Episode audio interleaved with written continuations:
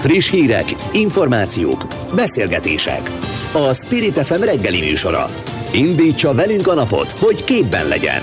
A mikrofonnál Somos András. Jó reggelt kívánok, polgártársak! Szép napot, hölgyeim és uraim, és mindazoknak szép napot, akik ilyenek és szeretnének válni. Elmondom, hogy a politikai blogban az első órában milyen témákkal jövünk. Beszélünk a kisvárosi kórházak kiürítéséről, ahogy a Jobbik látja. A kormányzat persze azt mondja, hogy soha nem látott forrásokat kap az egészségügy. Aztán itt van a párbeszédes Szabó Tíme parlamenti felszólalása, aki egyébként a Pegazus ügyet és hát a Kövér László titkárának székház ügyét, vagy a határon túli magyarok ifjúsági pénzeinek elsíbolását látja. Megbeszéljük vele, hogy milyen értelemben. Aztán itt lesz az MSZP-s, volt MSZP-s, most DK-s Szakács László, aki azt boncolgatja, hogy hogy lehet ez, hogy még se Fudán, se Telek, de már van főigazgató, és van pénz. Aztán itt lesz Torockai László, aki a Facebook peréről beszél, és a végén a Nézőpont intézettel is megbeszéljük, hogy miért vezet a Fidesz és Orbán Viktor a Nézőpont intézet szerint. Kezdünk! Spirit FM 92.9 A nagyváros hangja és üdvözlöm is Lukács Lászlót a Jobbiktól, aki egyébként a kórház témát exponálta a parlamentben. Jó reggelt kívánok! Jó reggelt kívánok, és köszöntöm én is a Spirit FM hallgatóit. Azért jó, hogy beszélünk, mert Hát azért az ritkán van, hogy, hogy ennyire eltérően látják a felek az egészségügy helyzetét. Mondjuk egyébként a járványügyi védekezés, mint olyan, szolgáltat hétről hétre ilyen összetűzéseket, de miért gondolja azt a jobbik, hogy kiürítik a kisvárosi kórházakat? Hát szerintem a bocsánat, hogy háttal kezdte a mondatot, de valóban ez az egyik olyan probléma, amiben szöges ellentétben látja szerintem nem a kormány és az ellenzék, hanem úgy általában az emberek és a kormány helyzetet hát nagyon világos, hogy a magyar emberek az egészségügyet az egyik legfontosabb problémának tartják. Ezen a helyzeten, hogy nem volt jó helyzetben az egészségügy, a járvány nem segített, és a kormány sem segített. Itt a kórházak kiürítésével kapcsolatosan hadd mondjam azt, hogy nem úgy ürítik ki, hogy most a betegek egy részét kiteszik, és nem a járványra gondoltunk ezzel, hanem a kis kórházaknak, tehát a városi kórházaknak azokat a funkcióit, illetve azokat az ágyakat, azokat a szolgáltatásokat, amiket voltak. Szépen apránként ugye most levágdosták róla, nagyon sok helyen ez a sebész szülészet, illetve a szülészetnek a távolabbra kerülésével végződött, most pedig a gazdasági önállóságokat fogják elvenni, tehát azok a kórházak, amelyet sokszor helyi közösségek építettek föl az elmúlt században, lényegében most kerülnek kiüresítésre, tehát hogy itt megszűnnek olyan funkciók, amik az aktív ellátást biztosították, amitől azt tudja mondani mindenki köznapi értelem, hogy igen, ez egy kórház, mert annyi minden dolgot végeznek el, és annyi minden dolog miatt ide tudunk fordulni bizalommal, de most ez szűnik meg, és ez a kiüresítésük. Arra, arra vonatkozólag tud példát mondani, hogy milyen kis településet, uh-huh. milyen kis településen ez a helyzet, vagy milyen, milyen kisvárost érint ez a probléma? Így, ha hozzám közeli nagykunságban élek, a hozzám közeli mezőtúron ezt már megcsinálták. Ott lényegében a szülészetet érintette ez, Más helyeken egyébként Mohácson is ilyen helyzet alakult ki. A Nagyatádi kórházban is vannak, amelyek veszélybe kerültek. Kérdeztem az én lakóhelyemen Karcagon, hogy mire számíthatunk. Itt egyelőre nem érintették a, az ellátást. Összességében azt lehet mondani, hogy egy olyan kórház volt, ahol a teljes aktív ellátást vették el, 13 olyan kórház, ahol lényegében osztályokat szüntettek meg, és ugye Budapesten is zajlik ez a fajta összevonás, tehát a kórházak egy részét a centrum kórházaik alá seprik be, de nem csak vidéki kórházakat érint, hanem ez a budapestieket is. Itt az egyes centrum kórházak, tehát a Szent László, mint egyesített kórház, a Szent János, nagyon sok többi más kórháznak veszi át a profilját, illetve a betegeit, nagy-nagy kórházakat hoznak létre. Ugye ez összességében a, a ellátás szervezési kérdés, de hogyha az emberek szemszögéből nézzük, különösen vidéki emberek szemszögéből, akkor nekik azért nagyon nehéz eljutni egy 30-60 vagy akár 90 kilométerre lévő ellátóhelyre, vagy, és akkor most tegyük oda, hogy mi történik a járványjal, hiszen erre kevesen gondolnak, nagyon nehéz például mentőt találni arra, hogy az ő azt a beteget, akit mentő szállíthat, átvigyék egy másik kórházba, hiszen a mentők teszteléssel, illetve a koronavírus járványjal vannak elfoglalva, így aztán ezek az utazások mind-mind nehezülnek. Nem könnyű a mai nap és a manapság megoldani azt, hogy 60-90 kilométereket utazzon egy beteg oda-vissza.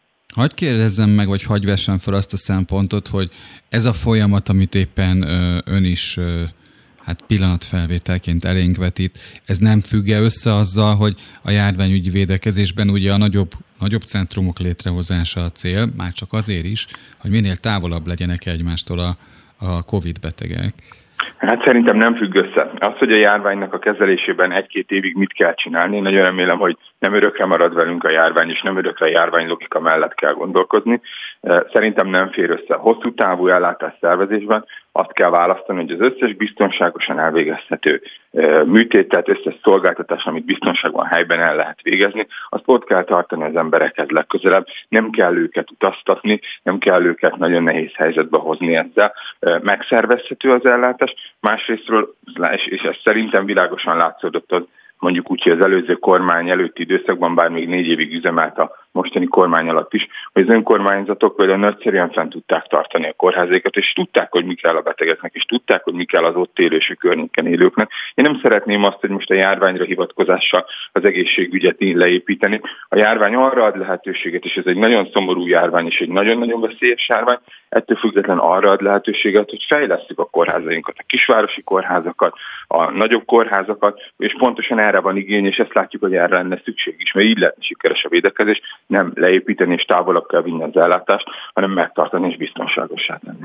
Érdekes volt az a felvetés a felszólalásában, hogy az Országos Kórház Főigazgatóság vezetőjét személyesen tette felelőssé a helyzetért. Ő az én értelmezéseim szerint, de hát ön is jogász, ő egy végrehajtó. Az, hogy valaki végrehajtója egy olyan parancsnak, amely mondjuk úgy, hogy morálisan szembe helyezkedik eh, azzal, amit az emberek szeretnének, illetve ami az emberek érdeke, az itt nem mentesíti semmi alól.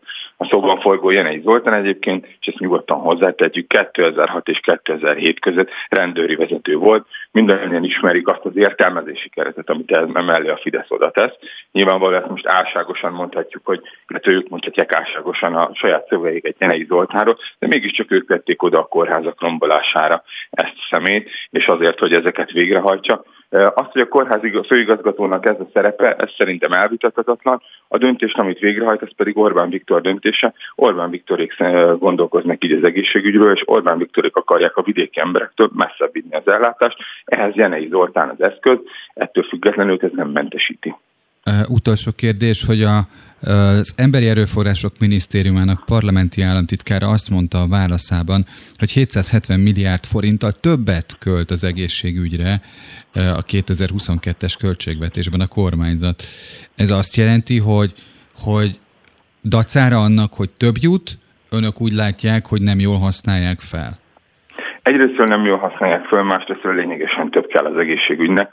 Szerintem már mindenki látja és mindenki ismeri, hogy az egészségügy az, ahol egy óriási technológiai változás volt, mindannyian a legmodernebb technológiával szeretnénk gyógyulni, ehhez fejlesztések, beruházások szükségesek, másrészt a társadalom folyamatos előregedésben van. Ez is egy olyan nyomás, amivel küzdeni kell. Az egészségügy világszerte az az ágazat, illetve az a szakmai közeg, ahol fejleszteni kell, ahova több pénz kell, és hogyha a kormány nem tesz oda elegendő pénzt, és itt az európai összehasonlításra lehet mindig hivatkozni, hogy az európai országok azok, akik próbálják jól működtetni az egészségügyüket, mit csinálnak, ha mi olyan arányban nem költünk, mint ők a saját össztermékünkhez képest, a mi egészségügyünk elég világos le fog maradni, azaz a magyar emberek kevésbé színvonalas és kevésbé biztonságos egészségügyi szolgáltatásokat fognak kapni. Lukács László Györgynek köszönöm szépen a beszélgetést.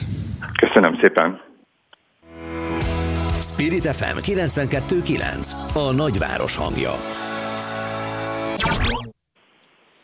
Váltunk egy éleset, humán szektorról humán szektorra, oktatásügyről lesz szó Totyik Tamás, a pedagógusok szakszervezetének alelnöke. A vendégünk, jó reggelt! Szép jó reggelt minden kedves hallgatónak is önök is. Egy villámkérdéssel hadd kezdjem. Sokan rebesgetik, hogy a digitális oktatás már itt van a küszöbön. Meg tudja erősíteni ezt az információt?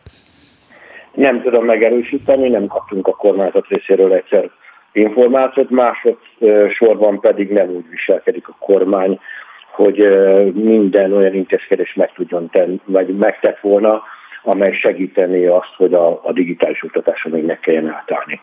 Egyszerűen nem értjük azt például, hogy a Lázár program keretében miért kell vidékről Budapestre felutaztatni gyerekeket cirkuszlátogatásra, és összezárni 10-12 különböző helyről érkezett hatodik évfolyamos oltatlan gyerekeket. Miért kell még mindig iskolalátogatásokat engedni? Ez, ez, ez most fordult elő a napokban? A Így cirkusz? van, igen, múlt héten még igen. mentek, a hétről nincs információ, de a múlt héten még mindig mentek a, a gyerekek, tehát ez, ez számunkra érthetetlen, ha járvány van, akkor miért kell ezt csinálni? Tehát ez, ez, ez felfoghatatlan intézkedések a kormány részéről.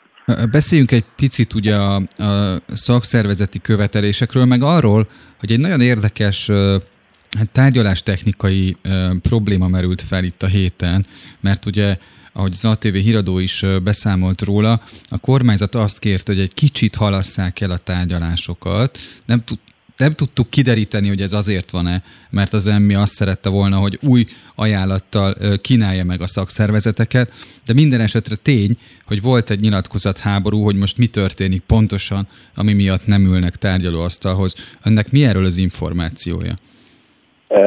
Én először is leszeretném szögezni, nem hiszem, hogy a kormány újabb ajánlattal előállna. Ez eléggé elhatározott és eltökélt volt Kisfaludi helyettes államtitkár úr a kijelentéseivel, és volt négy hónapjuk a kormány részéről, hogy a 10%-os pótlékemelésre tett javaslatukat átgondolják, és más tegyenek le. Nem hiszem, hogy itt most ők gyökeresen változtatni fognak.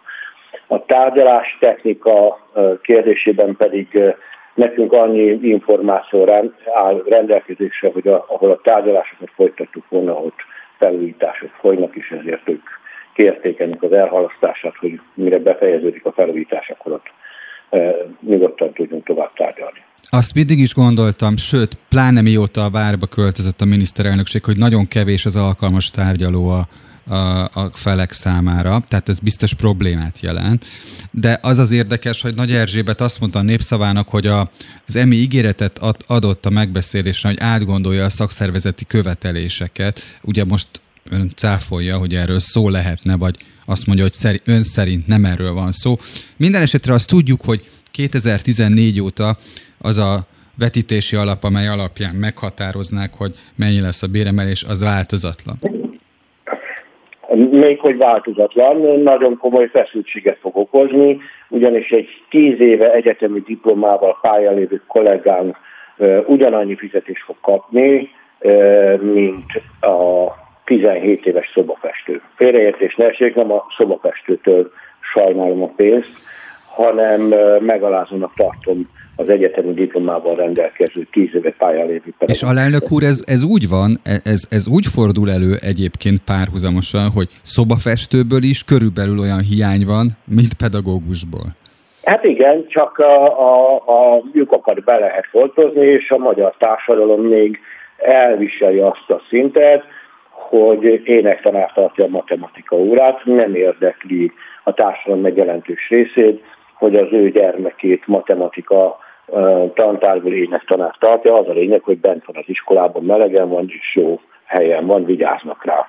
És nem fordítanak kellő figyelmet arra, hogy megfelelő színvonalú oktatáshoz jussanak. És ezt a kormány remekül érzékeli, be is méri, nyíltan tagadja, hogy nincs pedagógus hiány. A KSH adatai szerint is 7000 van, mi azért kiszámoltuk, hogy ez 12 ezer fő, ez objektív, méréssel, az intézményvezetők nyilatkozataival és a KSH által közölt adatok alapján egyértelműen ki lehetek mutatni, és ezt a kormány tagadja, és ennek ez az alapja, hogy nem hajlandó elismerni, hogy hiány van, és akkor ezt a hiányt béremeléssel kellene pótolni.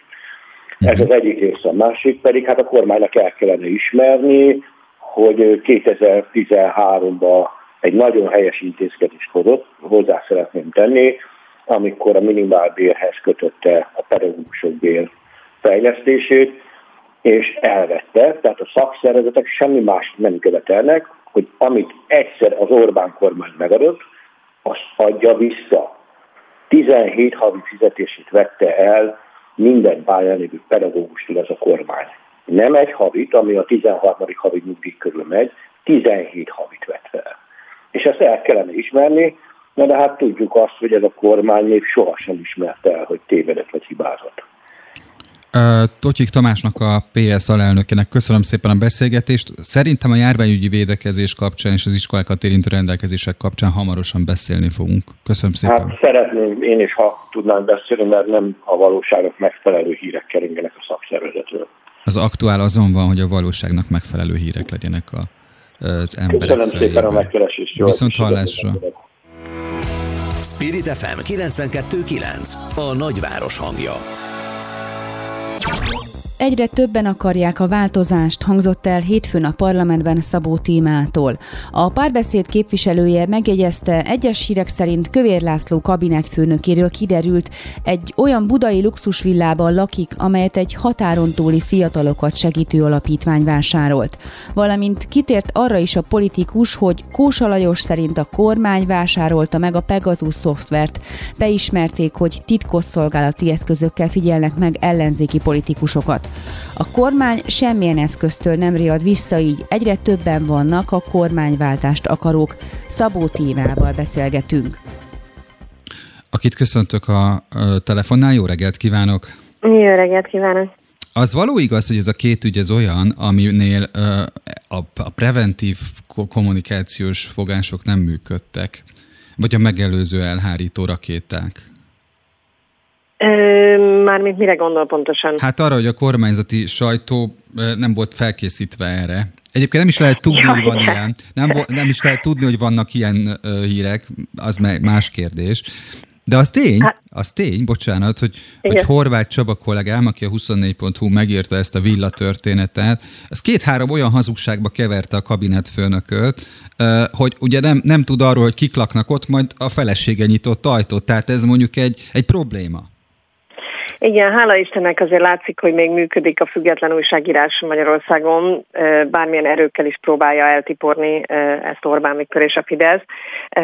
Úgyhogy a, a 24.hu cikke az valóban egy, egy, egy igazi, hogy mondjam, örvendetes esemény abból a szempontból, hogy hogy azért le lehet leplezni még a kormány lopásait, csalásait, hazugságait, és amikor azt mondom, hogy kormány, persze ez hivatalosan egy magánalapítvány, de hát azért mégiscsak a Fideszes házelnök kabinetvezetőjéről, kabinetfőnökéről van szó, aki, eh, ahogy ön is fogalmazott, tehát egy 240 milliós budai luxus lakásban lakik egy olyan lakásban, amitnek az árát egyébként a 240 millió forintot határon túli magyarokra eh, kellett volna költeni. Úgyhogy, De azt nem szóval mondhatja, képviselő asszony, azt nem mondhatja, hogy nem képezték meg a határon túliakkal való kapcsolatot, mert Veres László egyik családtagja határon túli. Igen, igen, igen, hát akkor nyilvánvalóan jár neki e, ez a pénz. De most a, a, a viccet félretéve, szóval képzeljük el egy pillanatra azt, hogyha ez mondjuk a másik oldalon történt volna. Tehát a Fidesz eleve hozott egy, és Kövér László ennek szószólója volt, hiszen ő az, aki nagyon gyakran felteszi az alufólia sisakot, és akkor elkezdi ilyen soros összeesküvésekről beszélni meg a Soros Hálózat civil szervezeteiről. Mondjuk képzeljük el azt, hogyha mondjuk ezt a, a, a Helsinki Bizottság, vagy a TASZ, vagy, vagy, vagy bármelyik a, a Fidesz által ellenségnek kiáltott szervezet csinálja meg, hogy kap külföldről 320 millió forint támogatást. Azt ugye a civil törvény alapján, mint a Fidesz hozott, nem hozza nyilvánosságra, hogy külföldről kapott támogatást, Ugye ezt a külföldi ö, támogatásra szóló civil törvényrészt már hála Istennek az Európai Unió Bírósága ö, döntése nyomán el kellett törölni a Fidesznek, de akkor még ez ugye érvényben volt. Nem hozza nyilvánosságra, és kiderül, hogy a külföldről érkező támogatást azt nem a célnak megfelelően költötték el, hanem mondjuk a Helsinki Bizottság egy munkatársa ö, lakik egy alluxus lakásban, amit ebből vettek, hát azért ö, szóval itt, itt, itt már ö, kőkövön nem maradt volna, és úgy tűnik, hogy ha ezt a kormány oldalon csinálják, mondjuk Kövér László kabinetfőnöke, akkor a Fidesz szerint ez rendben van, mert ez magányalapítvány. Szóval annyira abszurd az egész. Ugye itt a Transparency is tett feljelentést, mi a NAV pénzmosás elleni osztályához fordultunk, szóval nagyon remélem, tegnap írtam levelet Kövér Lászlónak, megkérdeztem, hogy marad el Veres László a kabinetfőnek, ez a várjuk, hogy, hogy azért mi történik, mert ez egy oltári botrány, és ebből biztos, hogy lesz még száz és száz a választásig. Ugye az az érdekes, hogy ez az üzletember, aki a 320 milliót beforgatta Magyar te- egyszer hangozzon el Magyar Tehetségekért Határtalanul Alapítvány számlájára. Ez, a, ez az üzletember Kövér Lászlóval nagyon jó barátságban van. Egyébként hozzá kötik az Újpest megvételét is. Ez, ez még ez az üzlet még várat magára, mert zárójel bezárva. De egyébként az igaz, az igaz, hogy, hogy ennek a, az alapítványnak a tehát a miniszterelnökségi válasz szerint ez egy magánalapítvány, azért van rendben ez az egész történet. És nem hát közpénzről van, van hát, szó.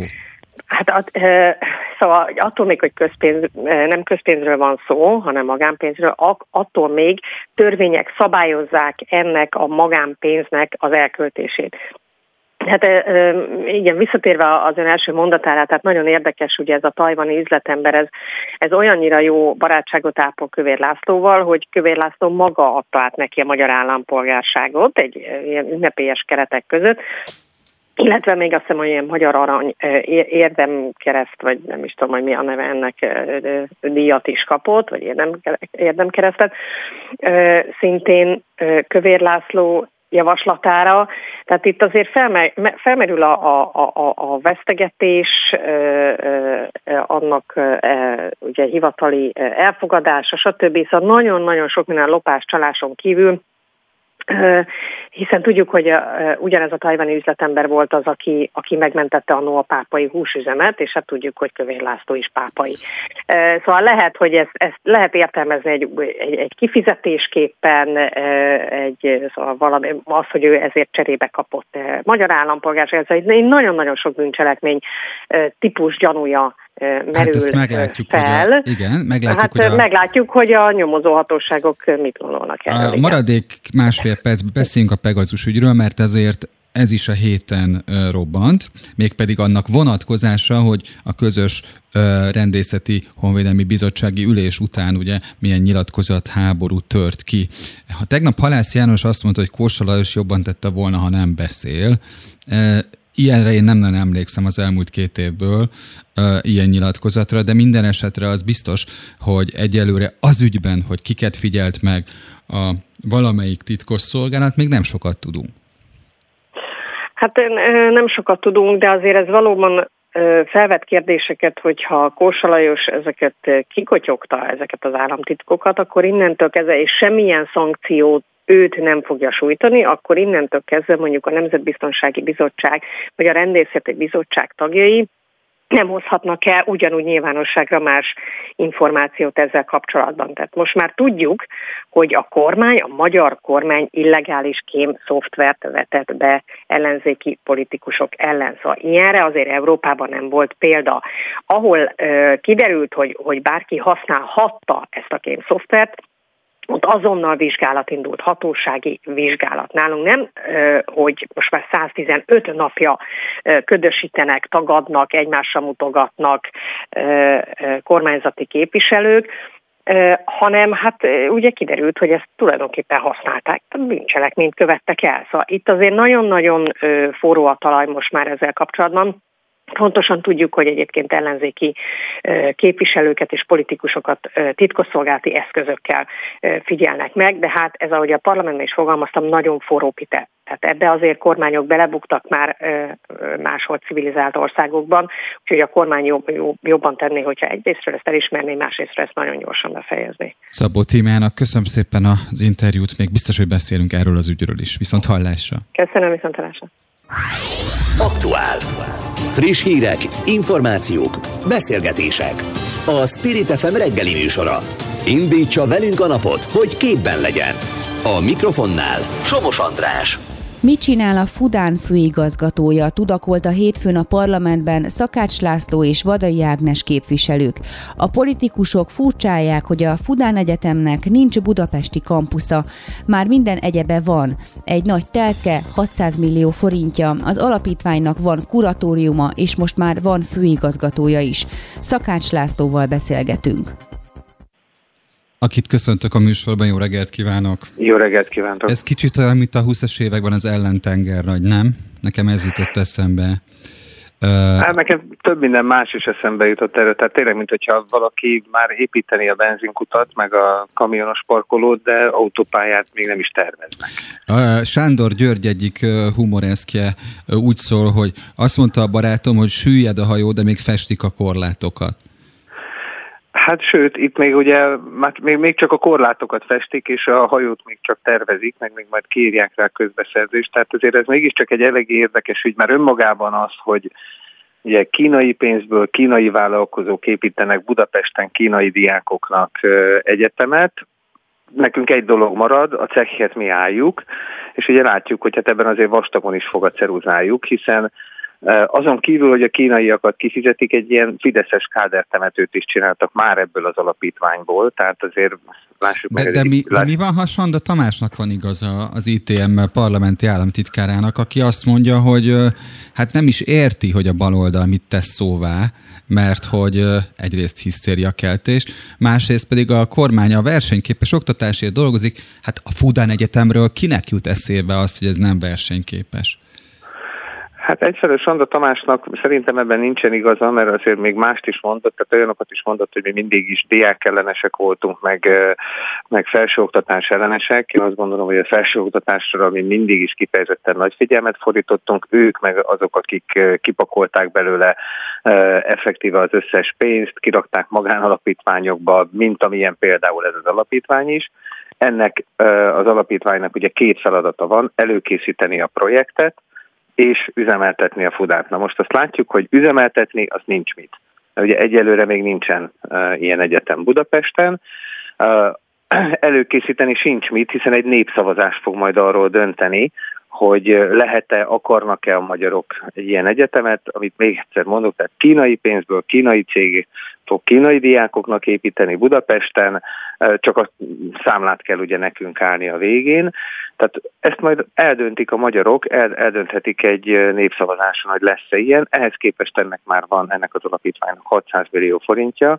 Van egy telke, ami egy nagyon kalandos úton került oda hozzá, és akkor most nagyon udvariasan fogalmaztam, ez a Questor telek, ugye itt lett volna a Duna City projekt, ebbe dőlt bele a Questor, és tette pokollá 32 ezer családnak az életét, hiszen elúszott sok-sok évnek a megtakarítása 220 milliárd forintnyi kárt okozva.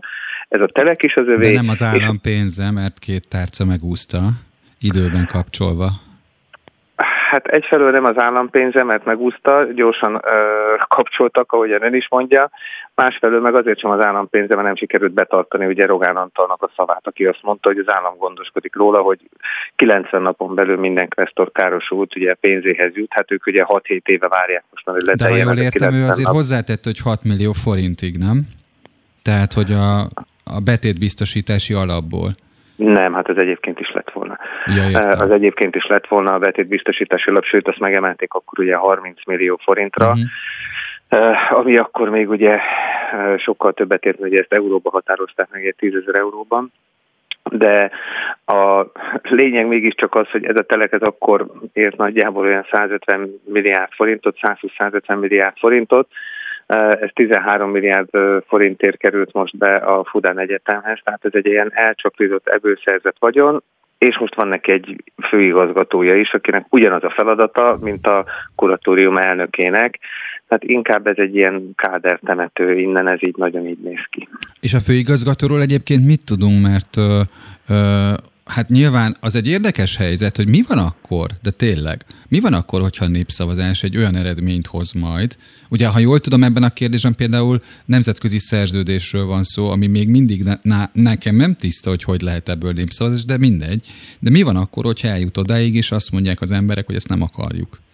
Hát ugye pont ez volt az én kérdésem, és ezt is lóttam föl Sanda Tamás államtitkárnak, hogy Hát két egyenes kérdést tettem föl, mikor lesz a népszavazás, tehát sokáig támogatják-e még meg, és abban az esetben, hogyha a népszavazás úgymond eredményre vezet, és nem lesz Fudán Egyetem, akkor kinek állapítják meg a felelősségét, és a kárt ki fogja viselni. Mert az nem lehet, hogy az adófizetők viseljék. Azért, mert ők futnak, szaladnak előre, Fideszes kifizetőhelyet csinálnak, és elő, előkészítenek egy olyan projektet, ami még nincs, Magyarán mondva égetik a pénzt, ennek akkor kell, hogy következménye, következménye legyen. Egyébként Bertán Ébényi Krisztina az igazgatója, vagy főigazgatója ennek az alapítványnak, aminek semmilyen feladata nincsen. Nem derül ki semmilyen okmányból, illetve az államtitkár válaszából sem, hogy ő mennyiért nem csinálja ezt a semmit. Viszont biztos, hogy nem ingyen. És valójában a, a a helyzet az az, hogy bizony itt egy, egy kártérítési felelősség is fennállhat. Miért? Hát, hogyha nem lesz ja, úgy, úgy. Fudán. Nem a kinevezés miatt. Nem, nem, nem. Uh, a, hanem azért, hogyha nem lesz Fudán, akkor ugye ők mit készítenek elő. Még egy dolgot mondott nekem a Sanda államtitkár, azt mondta, hogy uh, hogy hát ők előkészítik a projektet, mert, mert hát ők elő szokták készíteni a projektet. Tehát mondtam, hogy meg ettől szoktunk félni, amikor ők előkészítik a projektet, mert ugye így lesz drágább minden kétszer-háromszor annyiba fog kerülni, mint amennyiben normálisan kerülne. Tehát ahogyan mondjuk előkészítették a Budapest-Belgrád vasútvonalat, vagy éppen legutóbbi szerzeményét, ugye Mészáros Lőrincnek, ahol 60 sok milliárdért épít egy nem túl hosszú vasútszakaszt. Tehát, hogyha Mercedesekkel raknák ki ezt a vasúti szakaszt párosába egymás mellé állítva, akkor is olcsóbb lenne. E, tehát ettől tartunk, hogy e, amikor a Fidesz előkészít egy, egy projektet, akkor az nem szokott olcsó lenni. Azért, Ez azért nem lesz. kell talán a közélménynek aggódnia, mert e, közpénzekről van szó, és mivel önök országgyűlési képviselők, ezért közvetlenül tudnak rálátni az új főigazgató tevékenységére. Hát arra nem látunk rá, mert ugye nem sokat mondanak el belőle nekünk. Picit tartunk attól is, hogy ha, ha valami itt esetleg félre sikerül, akkor majd a Polt Péter meg a Domokos László fogja bottal ütni a nyomát ezeknek a pénzeknek, úgyhogy ezért inkább mi kormányt váltanánk, és ennek a megoldása majd az észszerű gazdálkodásnak és a, az követhető és átlátható gazdálkodásnak az majd inkább a kormányváltás lesz. Lehet, hogy erről még a következő fél évben beszélni fogunk erről az utóbbi témáról. Köszönöm, hogy itt volt Szakács László. a, a az MSZP-DK politikusának. Köszönöm, viszont hallásra. Köszönöm, viszont hallásra. Spirit FM 92.9 A nagyváros hangja. És köszöntöm a vonalban Torockai Lászlót, a Mi Hazánk mozgalom elnökét. Jó reggelt! Jó reggelt kívánok! Ott fejeztük be a múlt heti beszélgetésünket, hogy nem jutott idő a Facebook perének a tárgyalására. Számomra nagyon érdekes dolog történt a Szegedi törvényszéken. Ugye ön egyébként pert indított amiatt, mert 2019 májusában több mint 200 ezeres Facebook táborát egyik piatra a másikra lekapcsolta a Facebook, és ebben a perben nagyon fordulatos bíró intézkedésekre került sor. Igen. Igen, hát ugye mm, önmagában is egyébként az ügy az, az egy ilyen precedens értékű, mert azért arra nem nagyon tudunk példát, és ugye egészen Donald Trump szembeni tiltásokig sem nagyon volt jellemző, hogy úgy, mondjuk egy pártelnökkel, vagy akár egy, nem tudom, egy kormányfővel szemben a Facebook egyszerűen ilyen indoklás nélküli tiltásokkal, törlésekkel lépjen fel. És hát maga, maga a per is nagyon érdekesen alakult. Ugye hát először is kiderült, hogy a Facebook konkrétan packázik a, a magyar törvényszékkel, ugye a szegedi törvényszéken zajlik a, a per, egyszerűen azért, mert ugye én ugye szegedi, illetve hát nem szegedi, hát ásodhalmi illetőségű vagyok, ezért zajlik ott a, a per. Magának a pernek is már ugye a, a kezdése nagyon érdekes volt, mert a, a Facebook nem volt hajlandó átvenni a, a peranyagot a törvényszéktől arra hivatkozva, hogy az magyar nyelvű, és ugye a Facebooknak a, a székhelye az az Amerikai Egyesült Államokban van, de Európában, illetve az Európai Unióban, Írországban nyilván a, az adózás miatt Írországba tette a, a székhelyét, és uh, ugye Írországban van az Európai Központja, és a, a Dublini központban tagadták meg a szegély törvényszéktől a, a peranyag átvételét. Ezért aztán a bíróság, illetve a törvényszék engem szólított fel arra, hogy helyezzek letétbe 300 ezer forintot, és akkor abból fordították le angol nyelvre, ugye ez is megtörtént. Aztán a, a Facebook tovább packázott a, a törvényszékkel, akkor arra hivatkozott, hogy a peranyagot ugyan lefordította angol nyelvre a, a szegedi törvényszék, de a bizonyítékok közül néhányat, egyébként ezek képernyőmentések voltak, azokat nem fordította le a, a törvényszék. Na most ezek olyan képernyőmentések voltak, amelyeket azok az emberek kaptak, akik mondjuk megosztottak rólam egy képet, vagy leírták a nevemet, és akkor a, a Facebooktól tiltásokat kaptak, ugye büntetéseket lehet kapni azért, hogyha valaki egyszerűen a nevemet is leírja.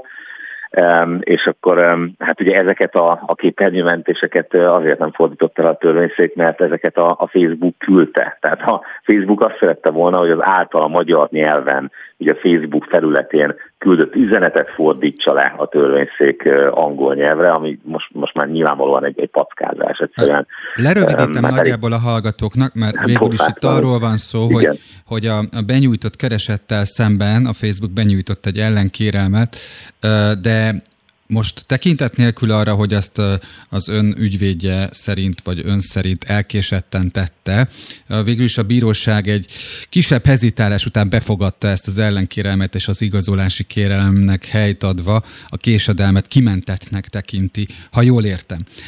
Ugye, és most ott tartunk, Igen. hogy belebocsátkozhatnak a perbe, aminek van egy érdekes eleme szerintem, mert ugye az, hogy ön 200 ezer követőt tudott a Facebookon összegyűjteni, az annak is köszönhető, hogy a, Egyébként ezt egy, ezt egy Facebook dolgozó meghallgatásából tudjuk, hogy a Facebook kifejezetten az olyan tartalmakat preferálja, aminél nagyon könnyen be lehet csatlakozni. Tehát az interaktivitásnak nagyon nagy a szerepe, gyorsan lehet reagálni, és ezért bármilyen érdekes vagy akár radikális tartalom is nagyon nagyot mehet a Facebookon. Tehát ami a hátrány, az az előnye is, de ön egyébként azt a sérelmet, azt legjobb lenne, ha el tudnám mondani, biztos el is mondja, hogy Miért van az, hogy önre a Facebook egyébként így tekint, mert az viszont egy másik listának a kiszivárgásával függ össze?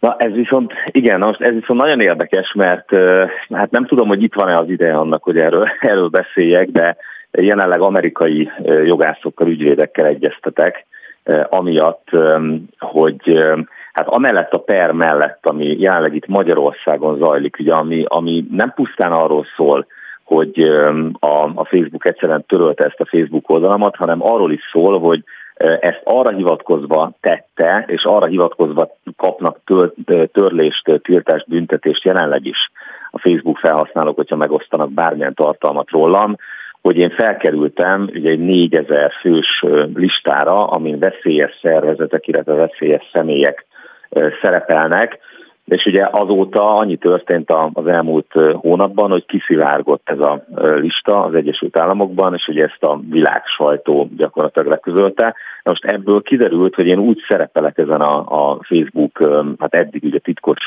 belső listán, hogy itt a, a 4000 veszélyes szervezet személy közül mindössze néhány száz magánszemély, tehát személyről van szó, a többiek szervezetek, és olyan szervezetek vannak ezen a listán, mint ahogy ugye kiderült, mint az iszlám állam, az Al-Qaida, a magánszemélyek között pedig Adolf Hitler, Radován Karácsics, aki ugye háborús bűncselekmények miatt ül jelenleg is életfogytillani börtönre ítélt a Hágai Nemzetközi Bíróság, ugye a boszniai szerbek vezetője volt a háború alatt, tehát konkrétan tömeggyilkosok, tehát gyakorlatilag kizárólag elítélt tömeggyilkosok szerepelnek ezeken a listán. Én vagyok az egyetlen a 7,7 milliárd ember közül a Földön, aki hivatalban lévő polgármester vagyok, közfunkciót betöltő ember vagyok.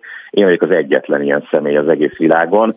Tehát egyre biztosabb az, hogy a Facebook olyan anyagot kapott valószínűleg a politikai ellenfeleintől, ami, ami ráadásul valótlan valótlan információkat tartalmazott, és hát mivel erre most már ugye kézzelfogható bizonyítékok vannak a, kezemben, amit most teljesen még nem bontanék ki, mert ugye ez egy újabb ügy, most fölmerült annak a lehetősége, hogy, hogy emiatt a kiszivárgott lista miatt, és ugye ez, ez már a szegedi ügyhöz nem kapcsolódik. Itt nyilván a, a jó hírnév megsértése, rágalmazás és ugye sok egyéb dolog fölmerül. Ugye gondoljunk csak abba bele, hogy most ez a lista fölkerült a, a világsajton keresztül a, a világhálóra. Én mondjuk vízumot akarok igényelni bárhol a világon, és ugye ez már, ez már több, mint egyszerűen egy, egy nem tudom, egy politikai párt elnökének a, a diszkriminációja. Én, én mondjuk vízumot se hiszem, hogy kapni fogok bárhol a, a világon ezek után, hogy, hogy tömeggyilkosokkal és ugye terroristákkal, iszlám állammal szerepelek egy listán.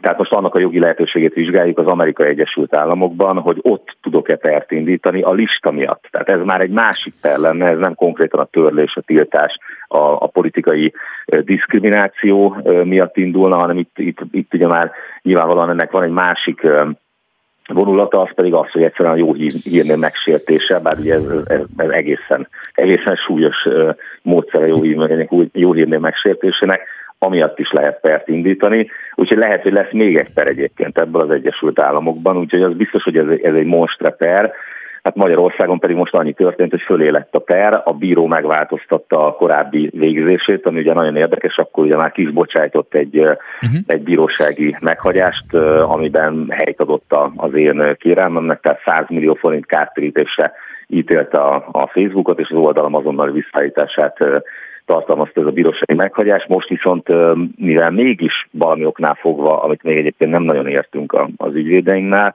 helyt adott a, a bíró a, a Facebook kérésének, amivel ugye úgymond igazolta a késedelmét, ugye, hogy végül is jócskán a határidőn túl a mi álláspontunk szerint adta be a, a védekezését. Most ugye feléled a per, hát majd meglátjuk, hogy, hogy mi lesz ebből. Elnök úr. De mondom, ennek, ennek most, már, most már lehet akár egy amerikai kifutása is. Elnök úr, polgármester úr, azt gondolom, hogy mindenkinek a jogérvényesítése közügy, aki ki tudja mutatni, hogy hol siklik félre a, a szólásszabadság, illetve az, hogy tulajdonképpen, ha valaki a törvényt követi, akkor joga van mindahhoz, mint azoknak, akik egyébként nem sértenek törvényt. Tehát ez egy, egyértelmű, és ez a beszélgetés ennek a következménye, hogy azt gondolom, hogy ezeknek az érveknek el kell hangozni, és meglátjuk, hogy mit hoz a per természetesen. Addig meg önnek be kell érnie azzal, hogy tulajdonképpen egy csoportba tartozik a MOL vezérrel utazás szempontjából?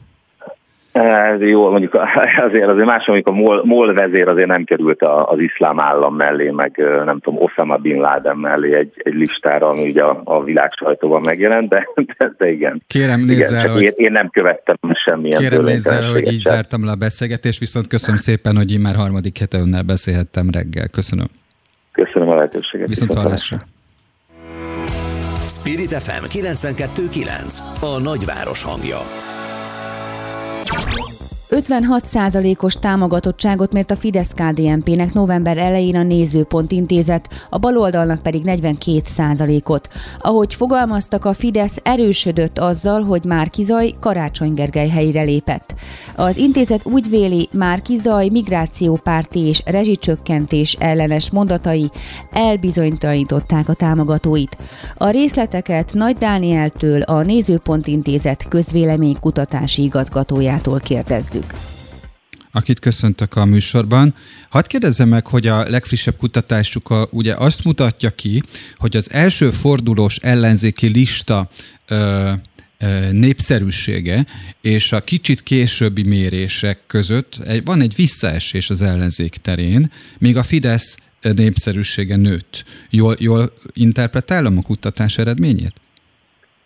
Jó reggelt kívánok! Igen, azt látjuk, szeptember végi adatsorról indulunk. Ez ugyanolyan módszertannal végzett, folyamatosan hetente készült közleménykutatás, és abban azt látjuk, hogy az előválasztás első fordulója után, amikor Márki Zajpéter harmadik helyen végzett, akkor 54-44 volt a Fidesz-KDNP és a baloldali közös lista támogatottsága. Szeptember 27-29, így van? Igen, utána minimálisan változtatott az eredményen az, hogy Márki Zajpéter megbuktatta Karácsony Gergelyt, 54-43, az az 1 százalék pontos ellenzéki. Hát mondjuk az, az, az egy interpretáció, hogy meg, megbuktatta, mert ugye itt arról van szó, hogy ők megállapodtak.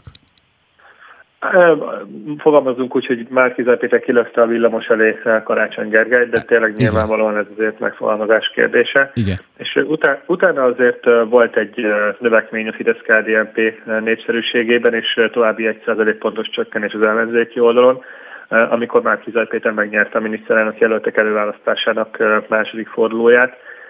Ez 56-43-as eredményt mutat és ugye a sikertelen október 23-ai rendezvény után további 1% pontot csökkent a baloldal támogatottsága, és így jutunk el ehhez az 56-42-es álláshoz, ami azóta is fennmarad november elejére. Daniel, én készséggel elfogadom, hogy az ellenzék sikertelen volt október 23-án, de ezt mi mutatja egyébként?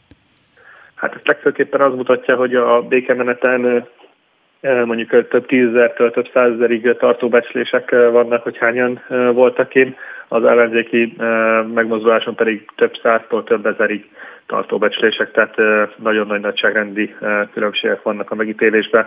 Még közel se lehet azon vitatkozni, hogy melyiken voltak többen. Azon lehet vitatkozni, hogy az ellenzék az nagyon nagy csalódást ért el, vagy csak kicsi volt az a bukta, amit elértek, és a fidesz KDNP pedig a legnagyobb békemenetet szervezte, vagy esetleg volt ennél nagyobb létszámú békemenet a régebbiek során. Hát erre nyilván az ellenzék azt mondja, hogy ők viszont az előválasztáson bizonyítottak, ugye 600-800 ezeres számokat hoztak nyilvánosságra, és hát azt is mondhatják, hogy van már Kizaj Péternek 120 ezer új szavazója, amely, amely szintén felméréseken alapul.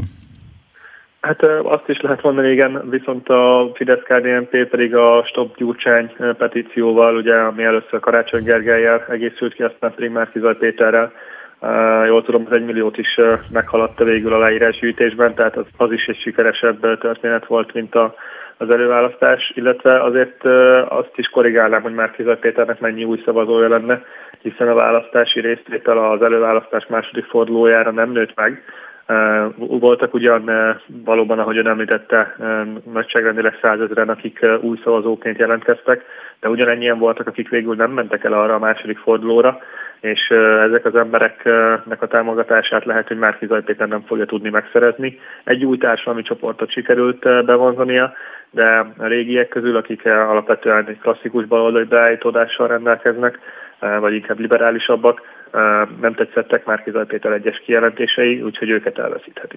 Akkor már csak egy kérdés marad. Mi az oka, hogy a Republikon mást mér, és a, az ott lévő elemzés azt mondja, hogy a nagy pártok, így a Fidesz is vesztett, a kis pártok megerősödtek, és hogy már Kizaj Péter népszerű Borbán Viktornál? Nem szeretném más cégek kutatásait kritizálni, de azért az elég beszédes, és valószínűleg valami hibát követett a Republikon, úgyhogy szerintem ez biztos korrigálni is fogják hogy náluk mondjuk egy millió olyan ember volt nagyságrendileg, aki nem ismeri Orbán Viktort. Én ezt a kutatási eredményt annyira nem hinném el, eh, tehát ilyen szempontból az az egész eredményre ráveti az árnyékot, úgyhogy alapvetően a saját kutatásaink eredményeiben mindenképpen hiszek. Itt pedig a Republikonnál feljött egy olyan tényező, ami azért nagyon beárnyékolja már magát az egész kutatást is, úgyhogy úgy gondolom, hogy ez talán el is dönti ezt a kérdést, hogy melyik a hitelesebb adat. Nagy Dánielnek megköszönöm az interjút, miközben azt gondolom, hogy tök fontos, hogy valaki hisz a saját kutatásaiban. Minden jót kívánok, viszont hallásra. Viszont hallásra. Aktuál. Friss hírek, információk, beszélgetések. A Spirit FM reggeli műsora. Indítsa velünk a napot, hogy képben legyen. A mikrofonnál Somos András. Jó reggelt kívánok, polgártársak, szép napot, hölgyeim és uraim, szép napot mindazoknak, akik ilyenekké szeretnének válni. Elmondom, hogy a következő órában nem csak a kultúrharccal foglalkozunk, a, aki, amely kultúrharc vázolásához Péter Figergely lesz segítségünkre, író, hanem, hanem a futballakadémiákról is beszélünk, beszélünk utazásról, és beszélünk arról, hogy a kötelező oltás a munkahelyeken milyen változatos reakciókat szül, illetve milyen egyéb intézkedéseket eszelnek ki a munka, munkáltatók annak érdekében, hogy hát tulajdonképpen megóvja, megóvják a munkavállalók egészségét. Úgyhogy most kezdünk is Péter Figergelye. Jó reggelt kívánok! Jó reggelt kívánok, szeretettel üdvözlöm a hallgatókat. Azért jó, hogy beszélünk erről a témáról, mert hát a Facebookon megint csak felcsaptak az indulatok Demeter Szilárd kapcsán. Egyébként ez nekem nem tudom, hogy van, de ilyen ciklikusan felrémlik, hogy 2020 novemberében ugye Demeter Szilárd szintén Soros György kapcsán és az európai hogy is mondjam, közben. Igen, az emlé- emlékezetes, Igen. emlékezetesen ostoba trollkodása, hogy az Európai Unió Soros György gázkamrája. Igen. Er- erre akartam kevés, rákérdezni. Kevés abszurdabb hülyeséget lehet mondani. Erre akartam rákérdezni, hogy ön, ön be is rendezte, vagy te be is rendezted ennek a trollkodásnak a jelenségeként ezt a tegnap előtti nyilatkozatot? Hát a magyar, a magyar politika lényege a trollkodás, tehát az Európai Unióban Magyarország a troll úgy viselkedik, mint egy komment folyamban a troll, és ezt a belpolitikában is ugyanígy követi, tehát, tehát vérlázító, mindenfajta erkölcsel, normával, morállal szembe menő, ostoba, agresszív, gonosz kijelentéseket kell tenni, amelyek insinuálunk, sértegetünk, megalázunk másokat, és aztán, hogyha erre mások fölkapják a vizet, vagy, vagy, vagy jogos tiltakozásokat fejezik ki, akkor pedig meg kell sértődni, és úgy kell tenni, mint hogyha a másik lett volna az agresszor. Semmi, ez egy teljesen hétköznapi trollkodás, ezt, ahogy a trollokat oktatják, a fideszes trollokat, és ezzel keresik a pénzüket. Demeter Szilárd ezt csinálja, csak ő éppen egy, egy intézménynek a, az igazgatója, de Orbán Viktor ugyanezt csinálja az Európai Unió felé, stb. Tehát Beszél, beszéljünk erről, erről a szerepről, ami az övé, de előtte ugye a az igazán rutinos közösségi médiában jártas, hát hétköznapi írók, olvasók azt mondják, hogy a trollokat nem szabad etetni. Na most ez egy nagyon izgalmas jelenség. Vannak, tehát nekem erről hosszú tapasztalatom van. Igen. Ugye nekem van egy, van egy 40 ezeres közösségi oldalam, ahol én addig szoktam tartani a trollt, ameddig pörgeti a posztot. Mert ugye attól pörög egy poszt, hogyha minél több hozzászólás van alatt, akkor azt ugye mindenki, aki hozzászólt, annak az ismerősei látják, oda jönnek, és akkor ők is kommentelnek.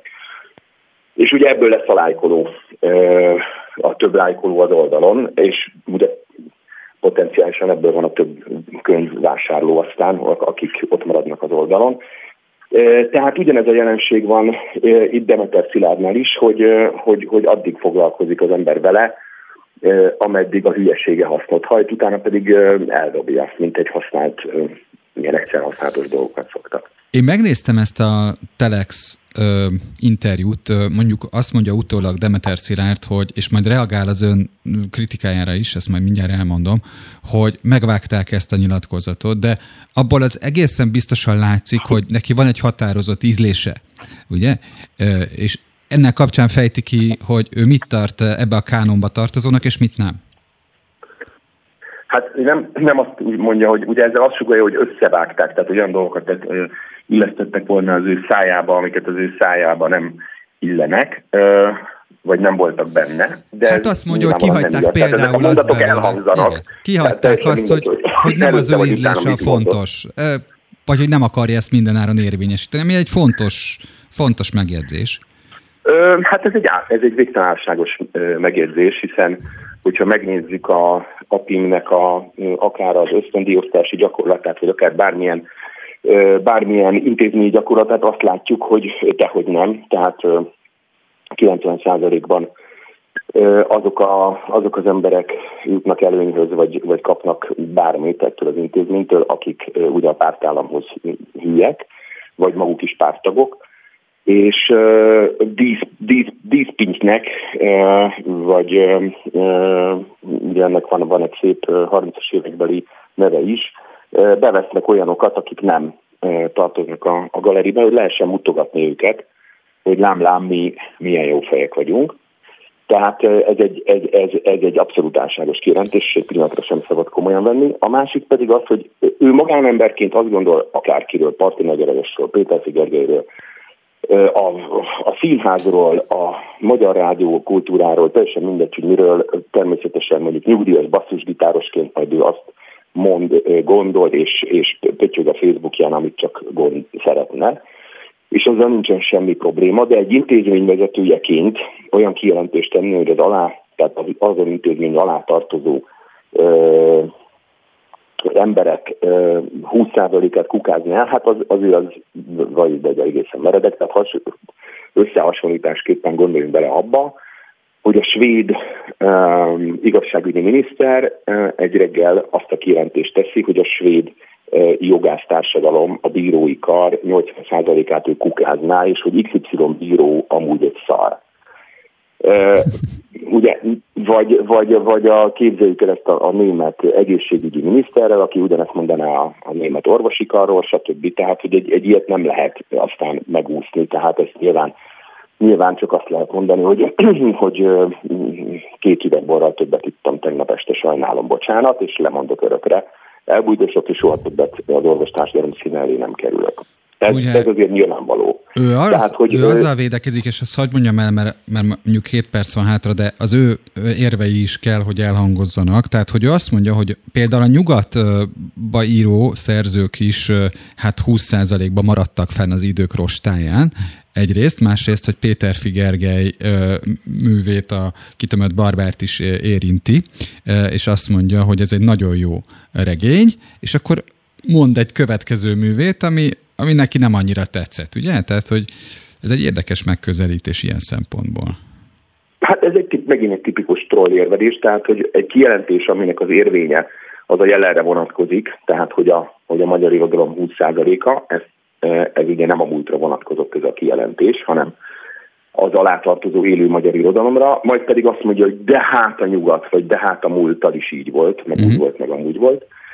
Második, másod, a második véleménye pedig mondom, én egy C osztályú, C kategóriás basszusgitárostól bármilyen irodalmi kritikai véleményt elfogadok, bizonyára ebbe is igaza van.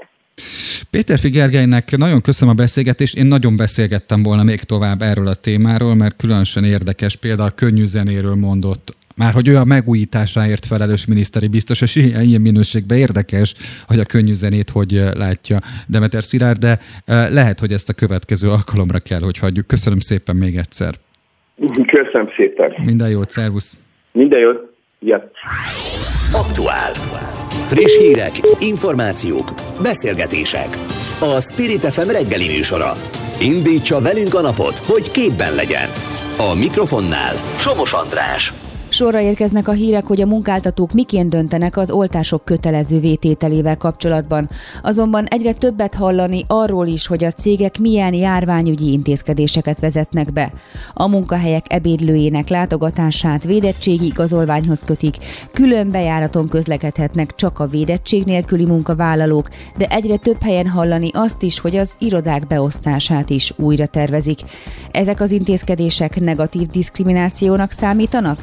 Milyen joga van a munkáltatónak és milyen joga van a munkavállalónak? Erről beszélgetünk Zeller Judittal, a TASZ jogászával. Jó reggelt kívánok! Jó reggelt kívánok! Nagyon érdekes a joggyakorlat, mert ugye most alakul ki. Ugye egy hete jelentették be sorra a kormányrendelet megjelenése után a munkáltatók, hogy tanulmányozzák egyfajta krízis bizottságokban, hogy mit is kellene tenniük. És hát az is igaz, hogy nem sok, nem sok olyan jogszolgáltatási fórum döntött a kérdésben, akik ugye azt elemezték, hogy a védettségi igazolvány az milyen diszkriminációt tesz lehetővé. Ön hogy lát látja a jelenleg helyzetet? Lehet-e biztos iránytűvel eligazodni ebben a dzsungelben? Hát könnyen tudok erre válaszolni, mert hogy egyáltalán nem. Igazából ez az új szabályozás, ez nem adott sem támpontokat, sem segítséget a munkáltatóknak. Amit mondanék inkább, hogy áthárította az egész felelősséget az államról vagy a kormányzatról a munkáltatókra. Ugye a munkáltatóknak most úgy kéne dönteniük, hogy valójában nem kaptak plusz információt arról, hogy akár azon a területen, ahol ők, ők működnek, most itt földrajzi terület vagy adott ágazat, éppen milyen a COVID helyzet. Tehát a vaktában kell tapogatózniuk, vagy sötétben kell tapogatózniuk igazából abban a kérdésben, hogy indokolt-e az, azon az adott munkahelyen elrendelni az oltást, vagy nem abban sem kaptak segítséget, hogy mik azok a tipikus munkakörök, ahol érdemes elrendelni az oltást. Ebben ugyan nyújthat a szempontot, hogy az állami dolgozóknál, alkalmazottaknál, aki ügyfelekkel találkozik, annak ugye hamarabb kötelező most fölvenni az oltást, aki nem találkozik ügyfelekkel, az, az később veheti föl. Tehát ez lehet egyfajta iránt tű, de hát ez nagyon-nagyon kevés. Egyébként a jelenlegi törvény megengedi, hogy a, a dolgozók adatait egészségügyi szempontból készletezze a munkáltató?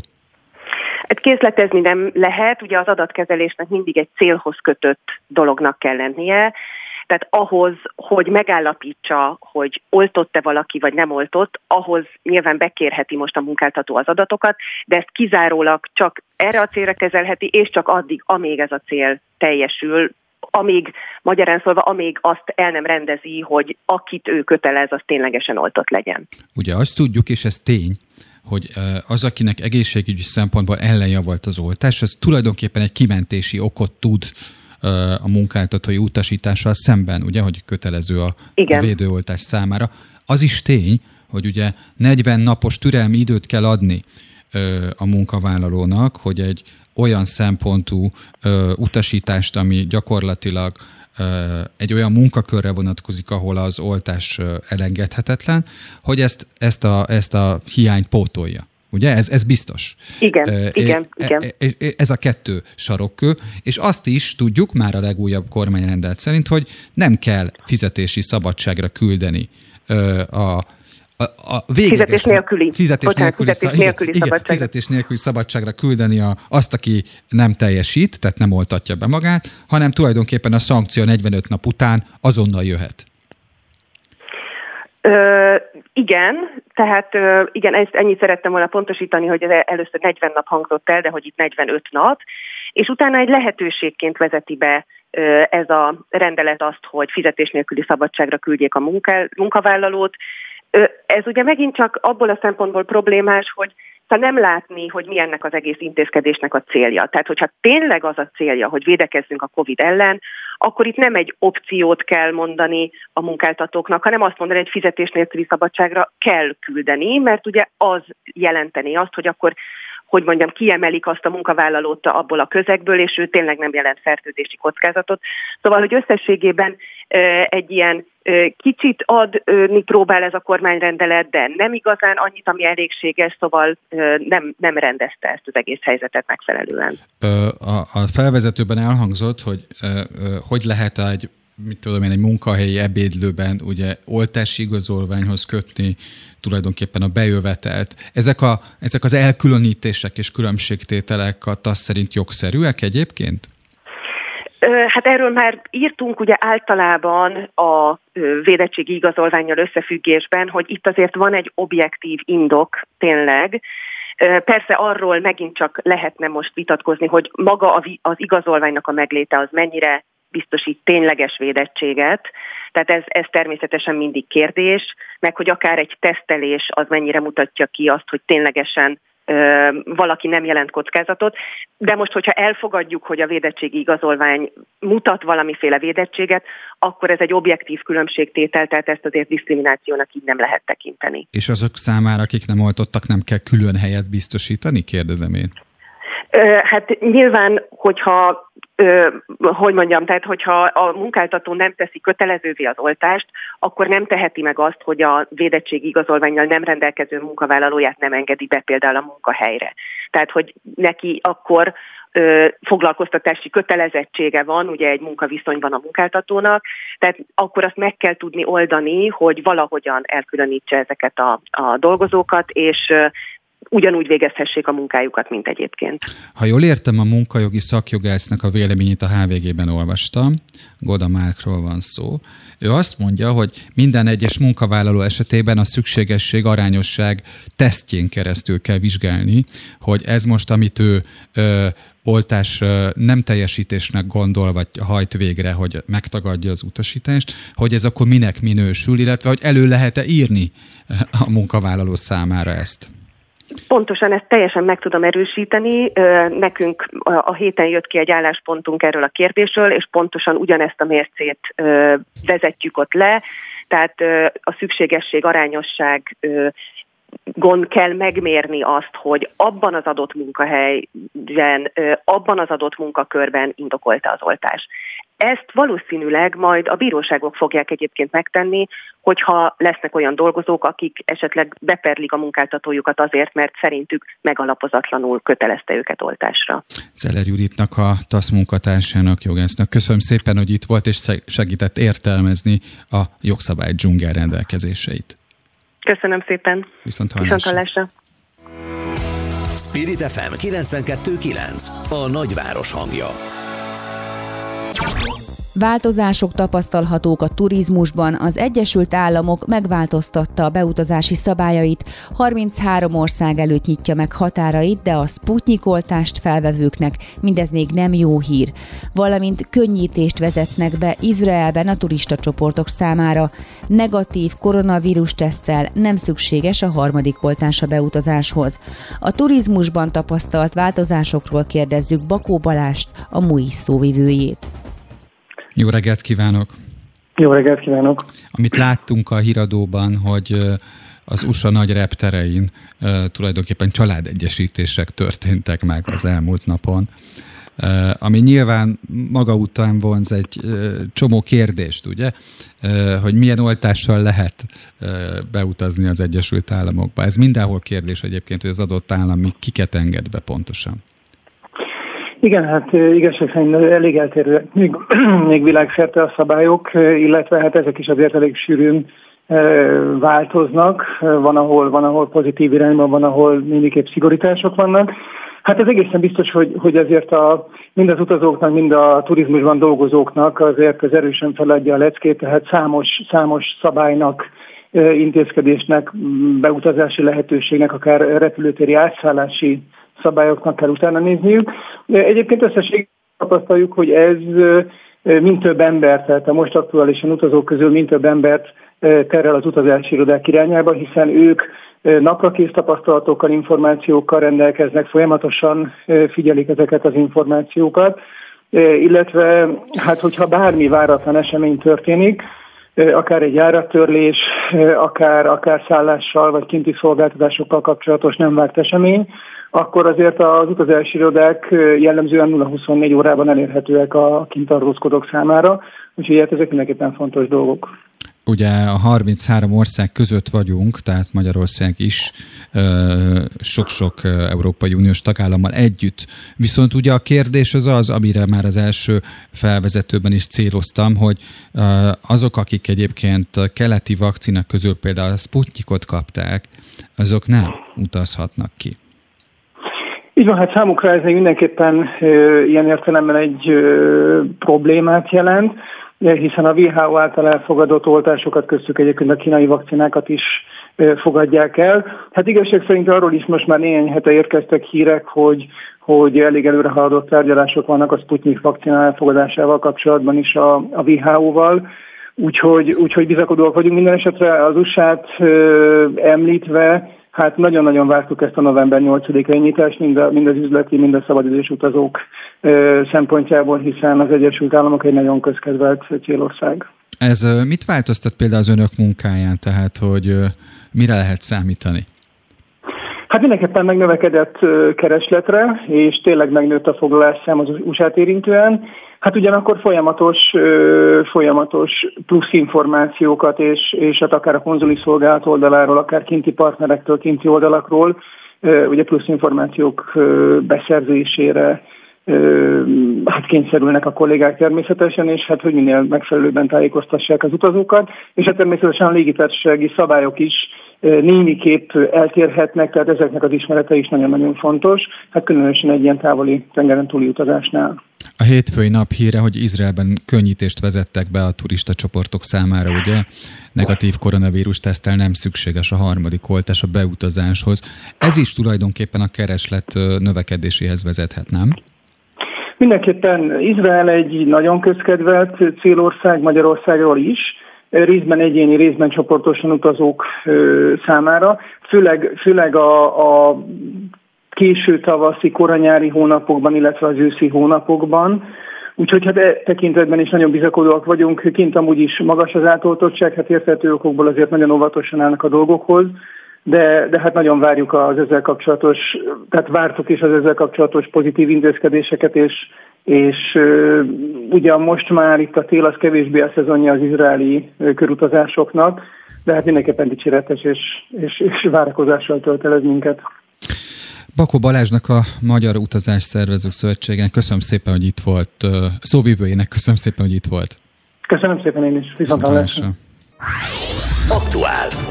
Friss hírek, információk, beszélgetések. A Spirit FM reggeli műsora. Indítsa velünk a napot, hogy képben legyen. A mikrofonnál Somos András. És köszöntöm a vonalban Ágasi Attilát, a Telex újságíróját, aki nagyon érdekes cikket írt arról, hogy a Magyarországi Futballakadémiák nemzetközi összehasonlításban hogy is állnak. Mi adta az ötletet? Köszöntöm én is a hallgatókat. Hát az ötlet valójában az utcán hevert, hiszen a statisztikát nem én készítettem el, hanem megcsinálta helyettem a Nemzetközi Sporttudományok Intézete, amit el szoktunk fogadni egy ilyen nagyon hiteles forrásnak, és szerteágazó kutatásaik vannak, nem csak futballban, hanem más sportágakban is. És a fociról viszont ez egy olyan korkép volt, focinkról egész pontosan, ami, amit egyszerűen muszáj nem elhallgatni hiszen sokak szerint indokolatlanul sok pénz van a magyar fociban, különösen az utánpótlásban. Mások ezt nem osztják ezt a nézetet, ugyanakkor az eredménytelenséget, hogy a topligákban nem játszanak magyarok, de még külföldön is alig-alig játszik egy-két játékosunk, hát ez, ennek valami oka kell, hogy legyen. Ugye 2014-ben a miniszterelnök azt mondta, hogy Európa tíz legjobb akadémiája között van a Felcsút akadémiája, ugye? A Puskás Akadémia. Igen. Mondjuk tíz év alatt, mondjuk nem egészen tíz év alatt, mondjuk azt, hogy nyolc év alatt kijött egy olyan játékos a Puskás Akadémiáról, aki nemzetközi szinten jegyzett. Sallai Roland. Ez, ezeket meg lehet erősíteni, igen. Ö, viszont az érdekes, hogy a Puskás Akadémia nincs a legjobb százban Európában. Igen. Úgy érdemes azt a Sallai esetét is nézni, hogy beiskoláztak azóta mondjuk 13 vagy 14 év folyamot. Tehát mondjuk ezer gyereket. És abból az ezerből az egy lett a Sallai, aki eljutott a Freiburgig. Hát ez, ez egy nagyon ijesztő szám. És hogy ez egyébként szerintem nem volt evidens. Tehát például az, amikor a, amikor a Peszkárában játszottak, jól emlékszem, hogy a Peszkárában játszottak ketten is, Sallai és Balog, akkor nem volt... Palermóban. Palermóban, bocsánat. Akkor nem volt, ugye ez egy kieső csapat volt az olasz első ligában, és nem volt egyértelmű, amikor mind a kettőjüket elküldték, hogy mi lesz velük? A Sallainak a tehetsége szerintem bőven megvan topligához. A sebessége is, a kapu előtti helyzet felismerése. Szerintem ő, ő egy topligás játékos. Az a baj, hogy ő az egyedüli. És tehát én előbb-utóbb azon gondolkodom, hogy előbb-utóbb a, szülők nem mondják azt, hogy ha ezerből egy jut el erre a szintre, akkor nekünk ez nem kell. És most itt elvonatkoztathatunk felcsúttól egyébként, hiszen a többi akadémiából sem ömlenek a tehetségek úgy, ahogy látjuk azt a Dinamo Zágrádnál, a prágai csapatoknál, a Partizán Belgrádnál, hogy csak a környéket említsük. Ugye az Ajax egy egészen más scout hálózattal dolgozik. Ő vezet, sok. ő vezet, ugye az Ajax? Igen, igen, tehát az Ajax akadémiája az egy etalon volt már a 90-es években is, és nem változott semmi. Tehát amikor Magyarországon még nem volt futballakadémia, akkor nagyon sokszor szóba került az, hogy az Ajax milyen példás nevelő munkát folytat, és hogy az lehet egy, elérendő cél Magyarországról is. Igen, ugye az Ajaxnak hát, éppen az a problémája, hogy mondjuk ne számítva azt a 95-ös csapatot, amely eljutott a csúcsig, hogy ugye kitermeli a nagy tehetségeket, de utána kénytelen eladni ö, nagyobb klubokban, mert azzal a pénzmennyiséggel. De most mégsem igaz. Aha. Hát a, a mostani Ajax viszont vezeti a bajnokok ligájában a csoportját, megverte a Dortmundot kétszer, ami azért inkább egy vagy... Az nagyon nagy meglepetés, maradjunk annyiban.